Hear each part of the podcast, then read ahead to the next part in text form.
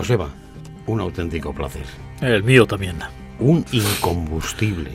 La verdad se ha dicho porque te recuerdo de cuando yo empezaba en el periodismo de prácticas y luego prácticamente pues toda una vida porque aparte de tus obligaciones y tu desempeño institucional en distintas facetas, es que no lo dejas.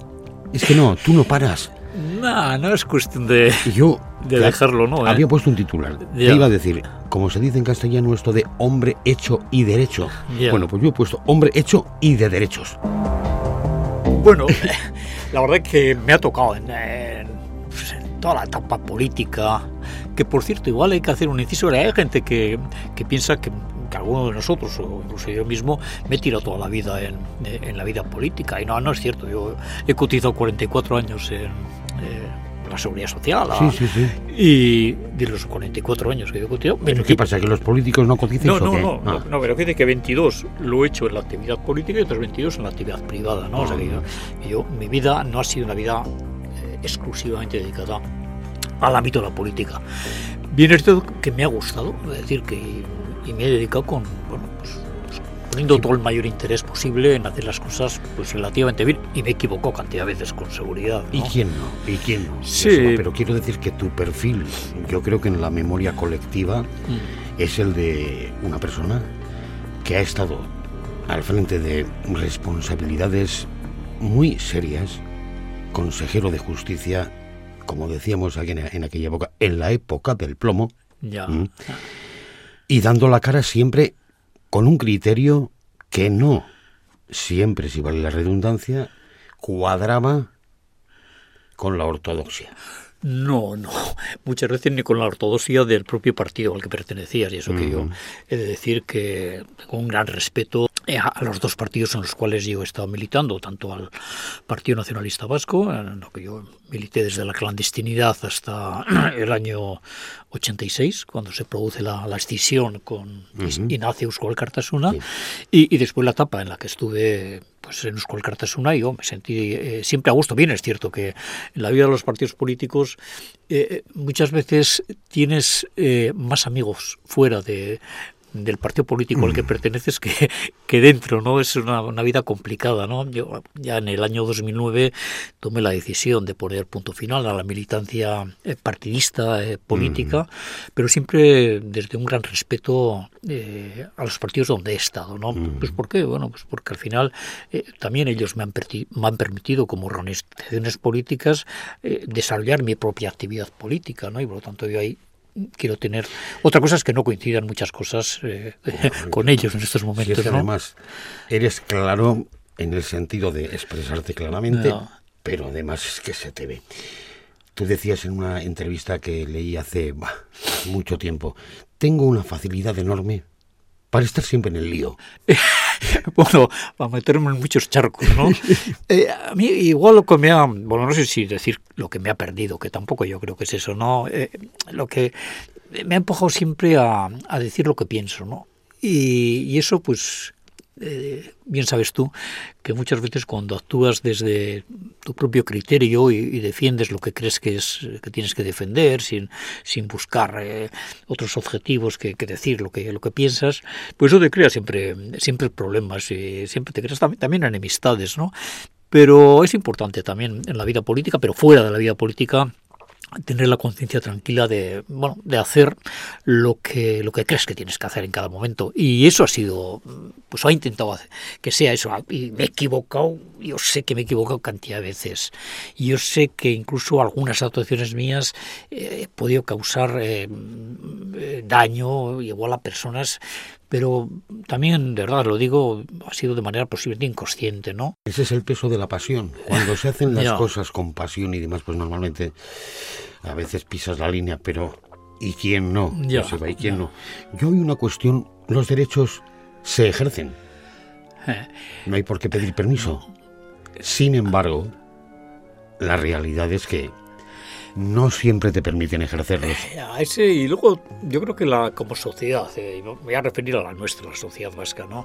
yo creo que tenemos equivocado el, término de lo que son los derechos, esto lo que son los derechos humanos que son muy amplios. ¿no? Eh, los derechos humanos ya los tenemos los tenemos por el simple hecho primero los derechos colectivos y los derechos individuales los tenemos primero porque pertenecemos a una sociedad, en este caso a un pueblo, pueblo vasco, y tenemos ese derecho de pertenencia a, este pueblo. Pero luego tenemos los derechos propios individuales que los tenemos que ejercer, que no los tenemos que mendigar, que no los tenemos que pedir, que son derechos eh, exclusivamente de cada uno de, nosotros y que tenemos que saber ejercerlos, ¿no?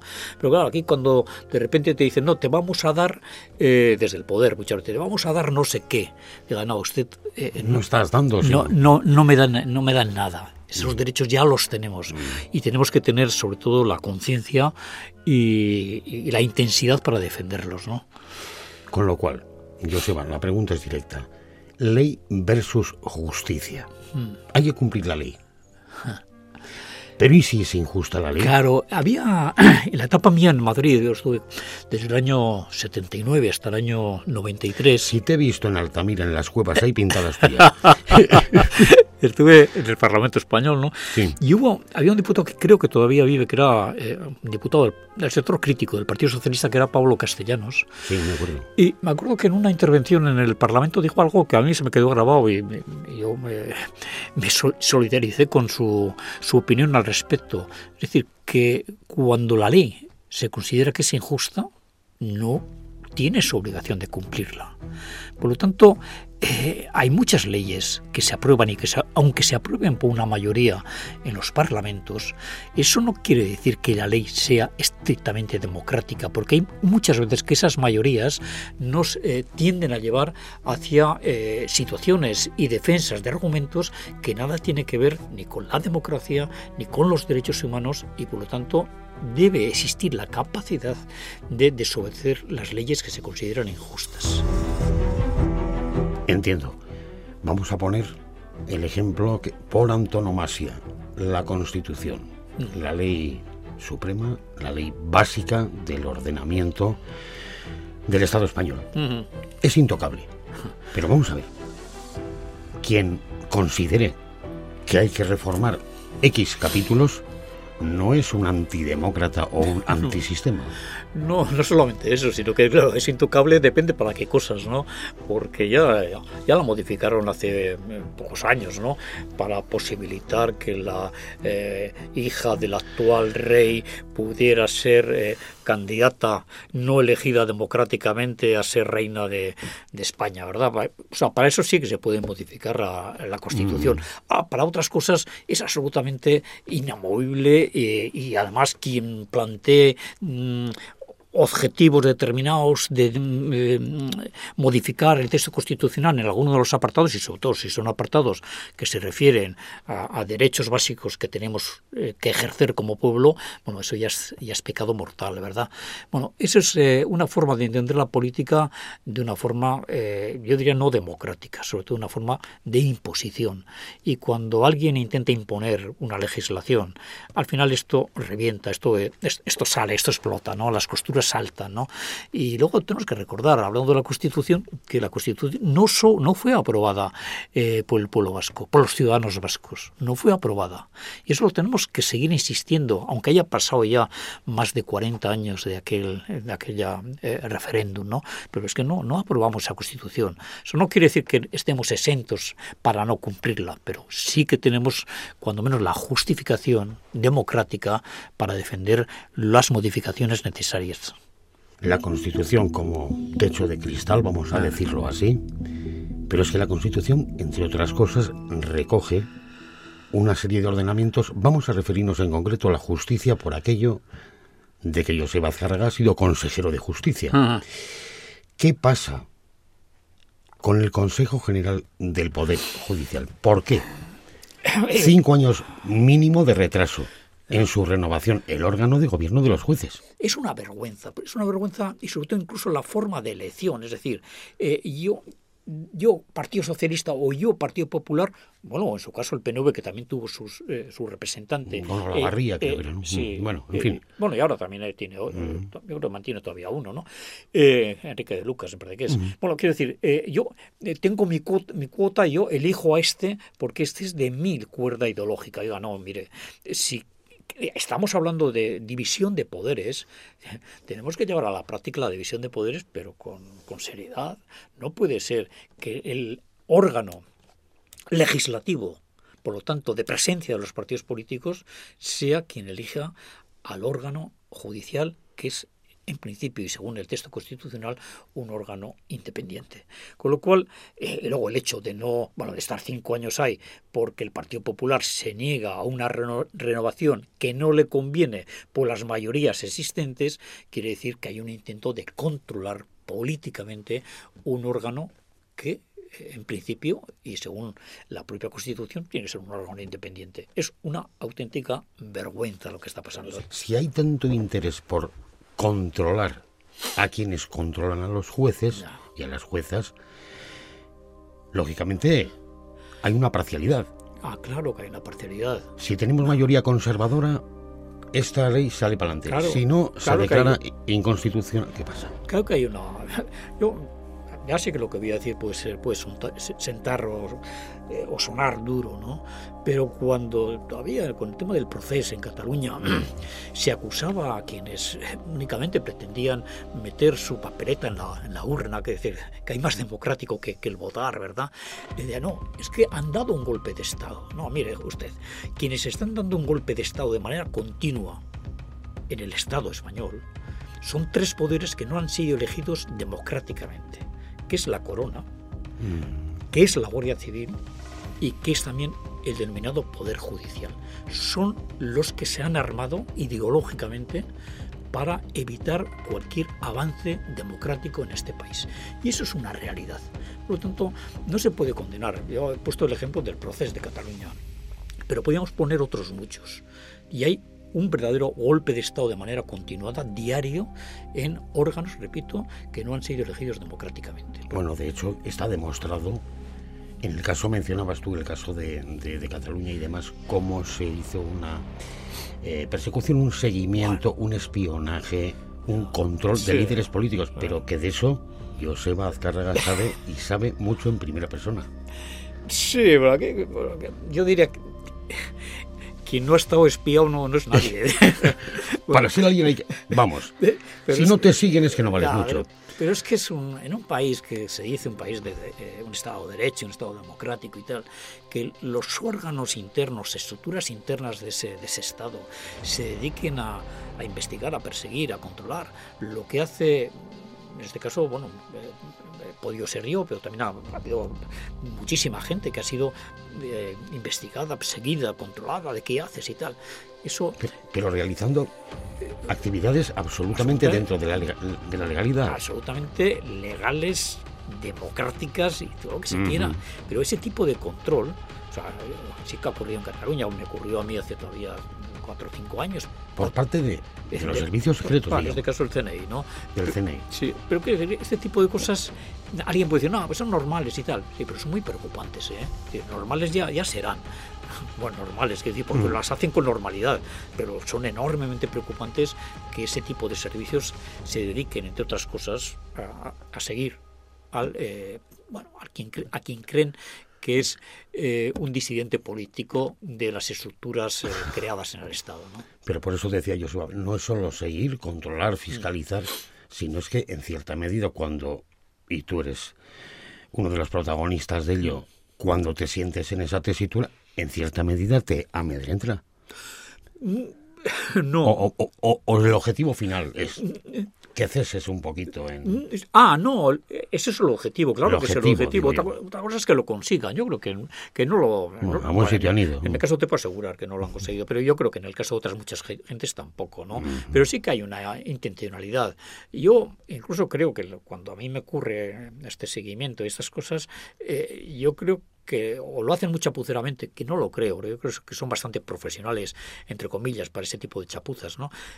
o eh, hay un intento de que te des cuenta de que estás siendo eh, eh, seguido, que estás siendo investigado, que seas consciente y tal. Es un intento posiblemente de entrar, ¿no? De decir, bueno, pues vamos a meterle a este el miedo en el cuerpo. Bueno, pues mira, yo, yo aquí sigo. Joseba, el hecho de, a fecha de hoy, después de toda tu trayectoria política, el hecho de estar al, al frente o como cara conocida de Sare, una organización que se dedica fundamentalmente a defender los derechos de los presos y las presas, derechos según legislación existente. Ni más ni menos. En tu caso, por ejemplo, habrá quien diga, bueno, pero Joseba ha tenido en su propia familia situaciones muy distintas. Desde familia asesinada por el régimen eh, franquista hasta familia directa que fue objeto de atentado y además mortal por parte de ETA. Sí, bueno, la, la, familia Azcárraga y además las dos partes de esa familia Azcárraga provenimos de Agurain, de Salvatierra, ¿no? Entonces hay una parte que es la parte de mis abuelos, de mi padre, de, de mi tío, que eh, sufrieron, sufrieron cárcel, eh, el tío mío le fusilaron en, con 19 años en, en el eh, cementerio de, de Derio. Eh, mi mm. padre estuvo eh, muchos años en prisión hasta el, muy avanzado el año 40. pues es una familia, la parte de esta familia Zárraga apostó por la defensa de, en, ese, en ese caso de la República, pero también de, como miembros del Partido Nacionalista Vasco. ¿no? Y luego estaba la otra parte que uno de, de mis tíos era general, fue víctima de, ETA. Y muchas veces me preguntan, y claro, ¿y usted, eh, ¿Cómo puede usted puedes defender los derechos de los presos y presas eh, que han pertenecido a la organización ETA, eh, habiendo asesinado esta organización a un miembro de su familia? Digo, dos partes. Yo siento el mismo dolor que, que cuando se asesinó eh, al general Azcárraga, que cuando se ha hecho cualquier otro atentado con cualquier otra víctima. Por lo tanto, yo ahí no voy a marcar ningún tipo de diferencia. Pero eso no quiere decir que yo no tenga que defender los derechos de las personas, en este caso las personas que están privadas de libertad. Es absolutamente eh, compatible. Eh, ¿Por qué? Porque de la misma forma que yo en mi etapa política eh, he criticado eh, la actividad eh, de ETA, lo, he hecho y lo he hecho públicamente mientras he estado en el Parlamento, he estado en el Gobierno, siempre he defendido a la vez los derechos que asisten a estas personas presas. Y siempre he condenado, por ejemplo, las torturas organizadas por el, por el Gobierno español, por los diferentes gobiernos españoles, porque aquí no hay diferencia en el tema de las torturas entre el Partido Socialista o el Partido Popular.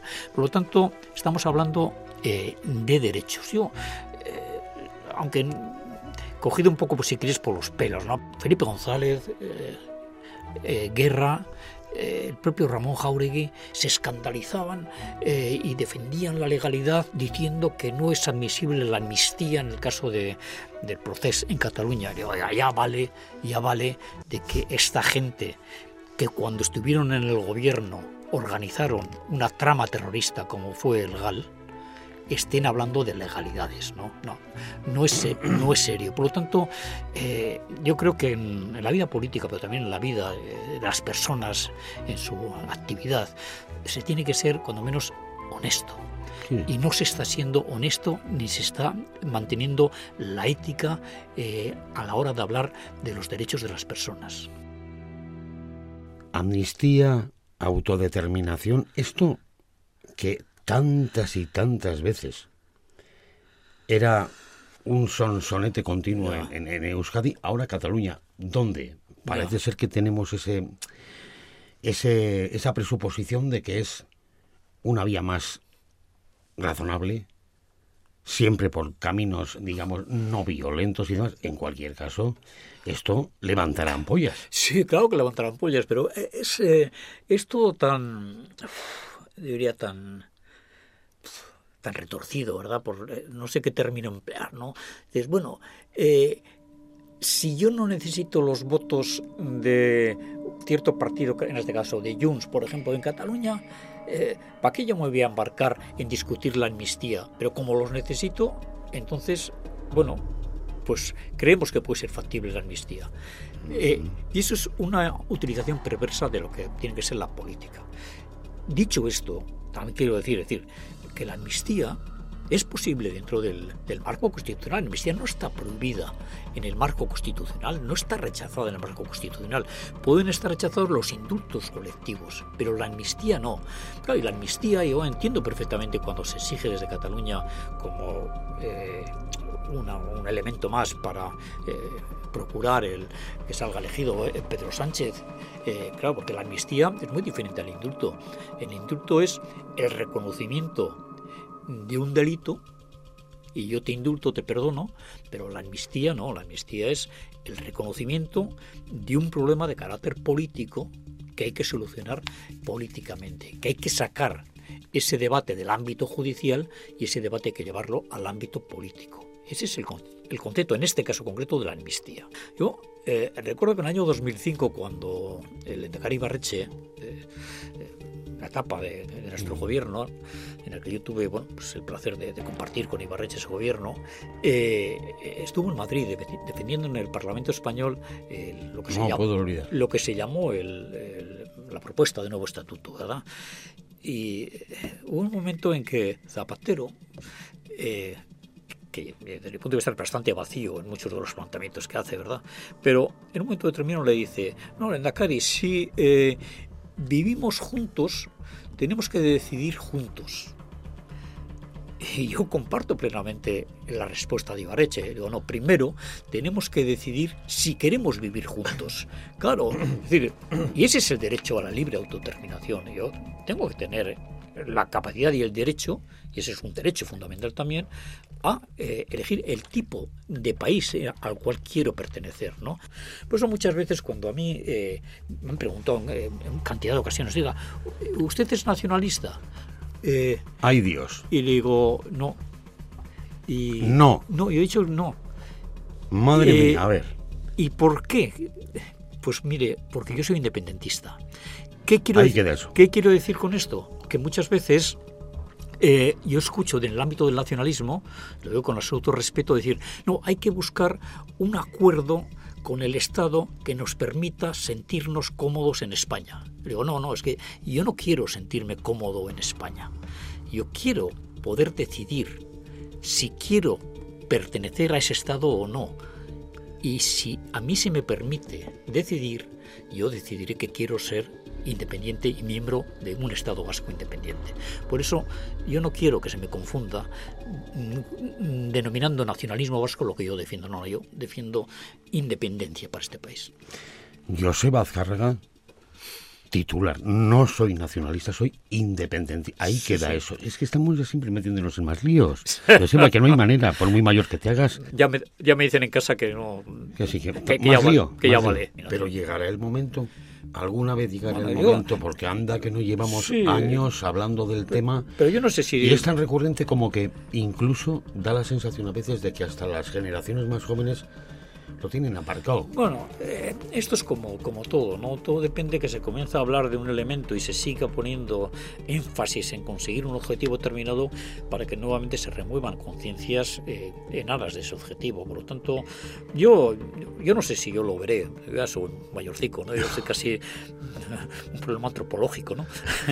Eh, tú igual que eres más joven, sí, pero no, yo, yo sí que creo que, bueno, que ese es un objetivo democrático y que estamos obligados a, a seguir defendiendo defendiéndolo, ¿no? Y que generaciones eh, venideras, pues yo creo que también lo van a seguir defendiendo, porque es un, ejercicio de libertad fundamentalmente, ¿no? Me refería más que nada, si desde un punto de vista de la sensatez, de las vías eh, aceptadas por ambas partes, ah. de un modo bilateral y demás, si crees que es una opción a futuro o, nos vamos a perder en el eternísimo debate en vez de por ejemplo, abordar cosas del día a día de lo que se llama la realpolitik. ¿no? no pero, eso, eh, pero eso es, un, eh, es una trampa, ¿no? no quiero decir que, la, que la plantees tú. Sí, es una trampa decir, no, hay cosas más importantes. no, más no, no, no, eh, no era mi intención, pero bueno, no, no, no, me coges la idea. No, sí, claro que te coge, ¿no? Pero es que mm, no son incompatibles. Claro que, que, que un gobierno, cualquiera que sea, tiene que estar en el día a día de las necesidades de la gente, en la educación, en la sanidad, en, todo aquello que beneficie el, bienestar ciudadano. Pero eso no quiere decir que tenga que estar al margen al margen de los planteamientos identitarios de este país. Y ese gobierno, repito, cualquiera que sea, el actual u otros, tiene que también hacer planteamientos de dónde quiere dirigir los destinos de este pueblo. Eso es, eso es clave, ¿no? Eh, no se puede dedicar exclusivamente a gestionar, a gestionar bien la sanidad, cuando se gestiona, a gestionar bien la educación, que hay que hacerlo. También hay que pensar qué queremos hacer con, eh, con el país, qué tipo de modelo de país y de relación con el Estado queremos tener. Desde luego, fácil no tiene pinta. Nadie dijo que fuera a ser. Pero hay que ser, ¿eh? pero hay que ser insistente. pero hay que ser insistente. Te decía Joseba porque fíjate, 50 años de democracia imperfecta, pero vamos a llamarle en purida democracia. Ahora parece ser que se va a poder hablar en euskera, en catalán o en galego en el Congreso de los Diputados, que es el foro de representación ciudadana legítimo. Pero yo es que... Pero cuando hablo antes, hablo antes del deterioro de la, de la política, de la política eh, no de con mayúsculas, de la política esa barrullera, eh, me refiero a este tipo de cosas. Por ejemplo, es decir, en la legislatura pasada, eh, según la presidenta del Parlamento Español, del Congreso de los Diputados, no era posible, había que hacer modificar hasta el texto constitucional para que eso fuera posible. Y en cambio ahora, porque se necesita que la presidenta de la Cámara sea eh, miembro de un partido determinado, pues adelante. Se puede hablar eh, en gallego, eh, catalán, euskera. Oiga, ya vale, ya vale. Claro que se puede hablar, pero también se tenía que haber podido hablar desde hace, desde el año 77, que fueron las primeras Cortes Generales Constituyentes. Es por lo que decía que para cosas que parecen de perogrullo, mm. tan normales, entre comillas, como es que las lenguas cooficiales se pueden utilizar en un foro oficial. Sí, sí. Sí, para eso han hecho falta 50 años. No, no. Ave María Purísima, que decían en mi tiempo la... Lo peor, Julio, no es que hayan hecho falta 50 años. Ha hecho falta que las elecciones del pasado 23 de julio dieran un resultado determinado para que ahora sea posible. Eso es. Y eso es la política con minúsculas. En la época, Joseba, la época dura, ah. en la que tú tenías un protagonismo, el que te correspondía, lógicamente, pero además con el plus de tu empeño en impulsar, en avanzar. En aquella época os dicen que vais a estar, por ejemplo, tanto PNV como Euskal Cartasuna o RC, o, digamos que como socios de gobierno en España, ¿qué hubieras pensado? ¿Te desmayas? Eh, cosa que cada tiempo tiene su afán, de decir, ¿no? Y, en aquellos momentos yo creo que creo que todo esto era impensable, ¿no? Eh, eh, bien es cierto que en estos momentos, al final, el sacar adelante una ley determinada, o, unas, o sobre todo la ley general presupuestaria, que es la importante de cualquier legislatura, eso requiere mm, mayorías, cosas mayorías, ¿no? Y esto requiere que, bueno, partidos políticos que que también eh, que es otro elemento, partidos políticos que aquí están siendo prácticamente marginados a pesar de haber sido el partido municipalista mayoritario, como es el mm. caso de, de Euskal Herria Bildu, en cambio en Madrid son absolutamente necesarios. Pero aquí, en, la comunidad autónoma o en Navarra, se les intenta marginar eh, quitándoles o intentando eh, menos valorar la importancia que han tenido los mm. votos eh, alcanzados. Pero, esto es una esto es una mala política. Pero lo que ahora digo que parece era impensable antes y ahora es pensable es eh, realidad, ¿no? Mm. A ver, ¿cómo es esa relación entre las personas que estáis ahí en, el, en la cocina de la política que no trasciende muchas veces porque eh, pues habrá cosas que tienen que ser más discretitas y cuando ya está cocinado el plato se saca a la mesa. Pero cuéntame un poco. En mi caso yo hace tiempo que no, que no me he dedicado a estas cosas, ¿no? pero sí que, que la etapa en la que yo estuve en, el ámbito político, tanto en, eh, en Gasteiz, en el gobierno vasco, como en, en, Madrid, en el Parlamento español, claro que se hablaba. Y, y yo creo además que se hablaba de una forma menos descalificatoria entre las personas, ¿no? Mm. Y se debatía y se discutía de una forma, no sé si más amable, pero eh, menos bronca, ¿no? Yo creo que en estos momentos, sobre todo la legislatura pasada, lo que yo he estado viendo es una situación que no me extraña que la gente, los ciudadanos, eh, aquí o en Murcia, ¿verdad?, se, eh, se vayan apartando de lo que es eh, el cauce de las, eh, las, elecciones generales o las elecciones autonómicas, porque no, yo creo que no se sienten representados. Cuando... Es para pensárselo, el sí, índice sí. de abstención. Sí, sí, pero eso es fruto también crece y crece. del tipo de política que, que, se hace. Yo, con esto no quiero decir que en mi etapa eh, éramos eh, mucho mejores, no, ni mucho menos, ¿no? Yo creo, pero yo creo que sí que había un mayor respeto entre quienes eh, pertenecíamos a diferentes eh, partidos políticos, ideologías. ¿no? ¿Y, ¿Y, qué le lleva a Joseba Azcárraga a después de toda, toda una vida entregada a una causa, insisto, en muchas ocasiones al margen de la ortodoxia, bien de partido, bien de gobierno, lo que fuere. ¿Qué le lleva ahora que podía vivir tranquilamente paseando con su nieta, dando una vueltita por Estivaliz, por las campas de Armentia? ¿Qué le lleva a estar otra vez como decíamos al principio, en el lío. Bueno, en el lío y encima no un lío sencillo. Porque, en fin, el, él es el ojo de, del huracán en muchas. Eh... Pues me lleva a no sé.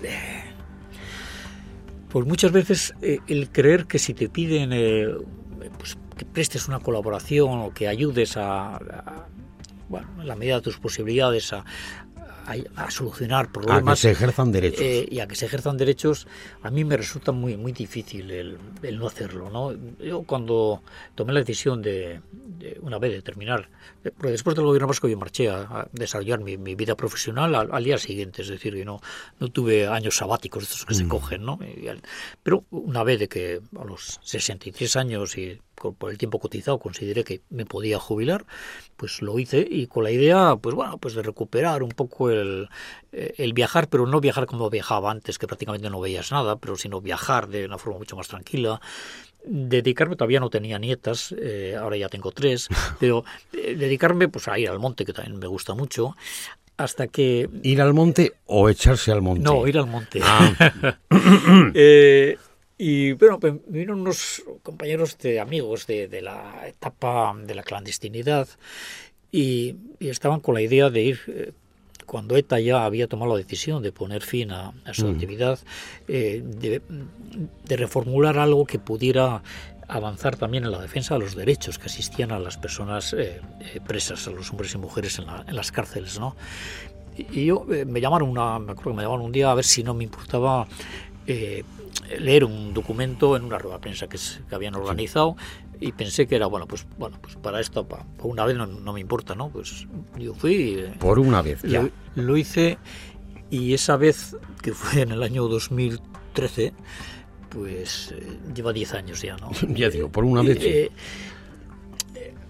tengo bueno yo creo que tengo ganas de ir dejando y sobre todo de pues de que otra gente también nueva y, y, más joven que yo y con más ideas no que yo. sé si creerte. Eh, sí, sí, no, no, lo digo, lo digo. Como, Dejarlo. Sí, lo, bueno, cuando menos no está en, eh, en la línea de, de, los golpes, ¿no? Pero, pero sí que hay veces que dices, joder, y, y si no hubiera estado esos 10 años en esto, tan, posiblemente mi conciencia tampoco estaría eh, tranquila de no haber dicho que sí cuando se me pide un, que colabore, que participe en, en, alcanzar estos objetivos, pues por ejemplo, pues bueno, pues junto con otra muchísima gente, incluso partidos políticos, pues al haber terminado con la política de, de alejamiento de los presos y presas, en estos momentos estamos involucrados en la necesidad de también de que se les aplique una legislación penitenciaria de carácter ordinario, que se termine con las excepcionalidades. Yo creo que hay que terminar bien este proceso, porque este proceso no termina porque ETA tomase, tomara la decisión hace eh, ya en el año 2011 de poner fin a su actividad. Este proceso terminará cuando las cárceles queden vacías de este tipo de presos y presas y cuando de una vez por todas busquemos un acuerdo de mínimos para hacer un tratamiento de todas las víctimas de todas las violencias, reconociendo eh, su dolor y no utilizándolos políticamente como un arma arrojadiza contra el contrario. Esa es la clave de, de la convivencia en este país. Si no me equivoco, tú eres a la vez sí, de Agurain, de, Agurain, de Salvación Agurain. Sí, es sí. que vuelvo a decir, esa para mí ahí hay un microclima, algo hay ahí, porque de ahí son Joseba Azcárraga y Evaristo. y los dos sois dos rockeros y dicen que los rockeros nunca mueren. Eres un fenómeno. Y que sigas rock and y por lo menos que sea un referente para quienes debemos todos defender todos, todos los derechos humanos. Así es. Joseba Esquerricasco. Guay, De corazón, ¿eh? Estoy aquí, presentado por Julio Ibarra, dirigido por Maite Ibáñez y Eva Mateo, producido por Miren Esparza, editado por Asier Elguezua, una producción de New Digital Media Euskadi para ITV Podcast.